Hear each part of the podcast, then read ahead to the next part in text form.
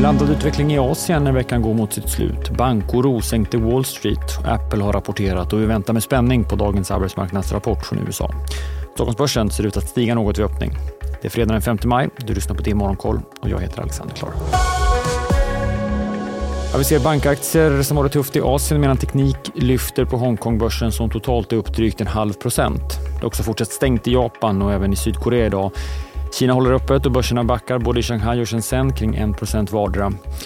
Kinesiskt inköpschefsindex för tjänstesektorn sjönk något i april men är fortsatt på höga nivåer. Index sjönk till 56,4 det var samtidigt fjärde månaden i rad med tillväxt i tjänstesektorn efter covid-restriktionerna hävts i landet. Australiens centralbank säger att man kommer att göra vad som krävs för att bekämpa inflationen och att viss ytterligare åtstramning kan krävas för att nå målet inom en rimlig tid. Det här skriver centralbanken i protokollet från mötet tidigare i veckan då man något oväntat höjde räntan med 25 punkter upp till 3,85 procent. Det var nedåt på Wall Street igår och det var återigen stor oro inom banksektorn. Flera regionala banker fortsatte att falla kraftigt. PacWest och Western Alliance var ner 50 respektive 40 procent.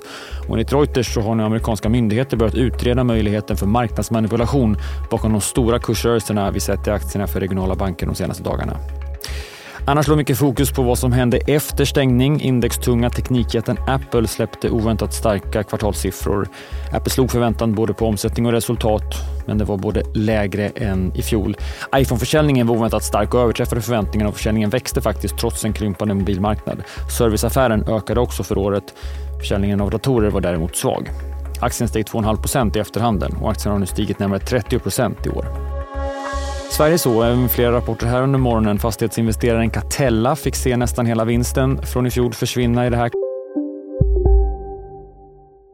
Där det finns ett samhälle, där finns det brott. Krimrummet är podden som tar brottsligheten på allvar. Jag bjuder in landets ledande experter och tar upp aktuella rättegångsfall för att begripliggöra den kriminalitet som kryper allt närmare. Du, alltså, du kan knäcka ett eller några gäng, men det kommer komma nya och så kan vi knäcka dem sen. Men att du ska knäcka allt forever, det kommer aldrig ske. Det är infinite gain. Lyssna på Krimrummet, en podd från Expressen med mig Kim Malmgren. Kvartalet. Man gör ett blygsamt resultat på 7 miljoner kronor i Q1 och säger att transaktionsmarknaden är fortsatt avvaktande och det märks i alla segment.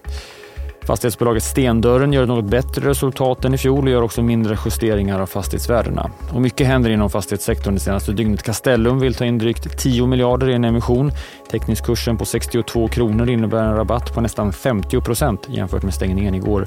Och villkoren är att två befintliga aktier ger rätt att teckna en ny aktie. Största ägaren, Roger Akelius, som äger drygt 13 procent av bolaget, har åtagit sig att teckna sin prorata-andel i företrädesemissionen, men har även gett garantier att kunna teckna ytterligare knappt 30 procent av emissionen.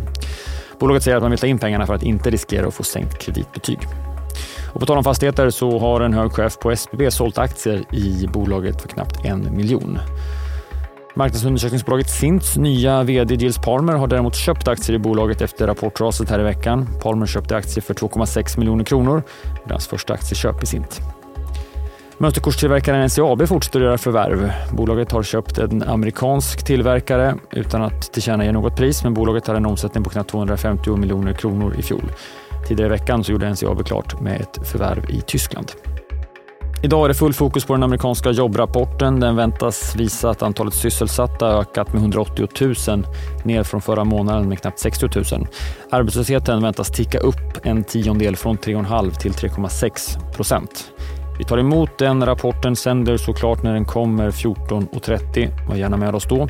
Missa inte heller Börsmorgon som vanligt med start kvart i nio eller som en podd som vi släpper under förmiddagen klockan 11.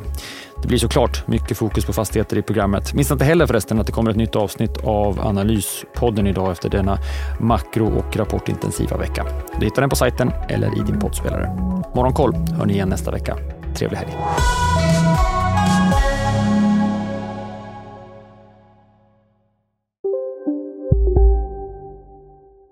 Har du också valt att bli egen? Då är det viktigt att skaffa en bra företagsförsäkring. Hos oss är alla småföretag stora och inga frågor för små. Swedeas företagsförsäkring är anpassad för mindre företag och täcker även sånt som din hemförsäkring inte täcker. Gå in på swedea.se företag och jämför själv. Hej, Ulf Kristersson här. På många sätt är det en mörk tid vi lever i. Men nu tar vi ett stort steg för att göra Sverige till en tryggare och säkrare plats. Sverige är nu medlem i Nato. En för alla, alla för en.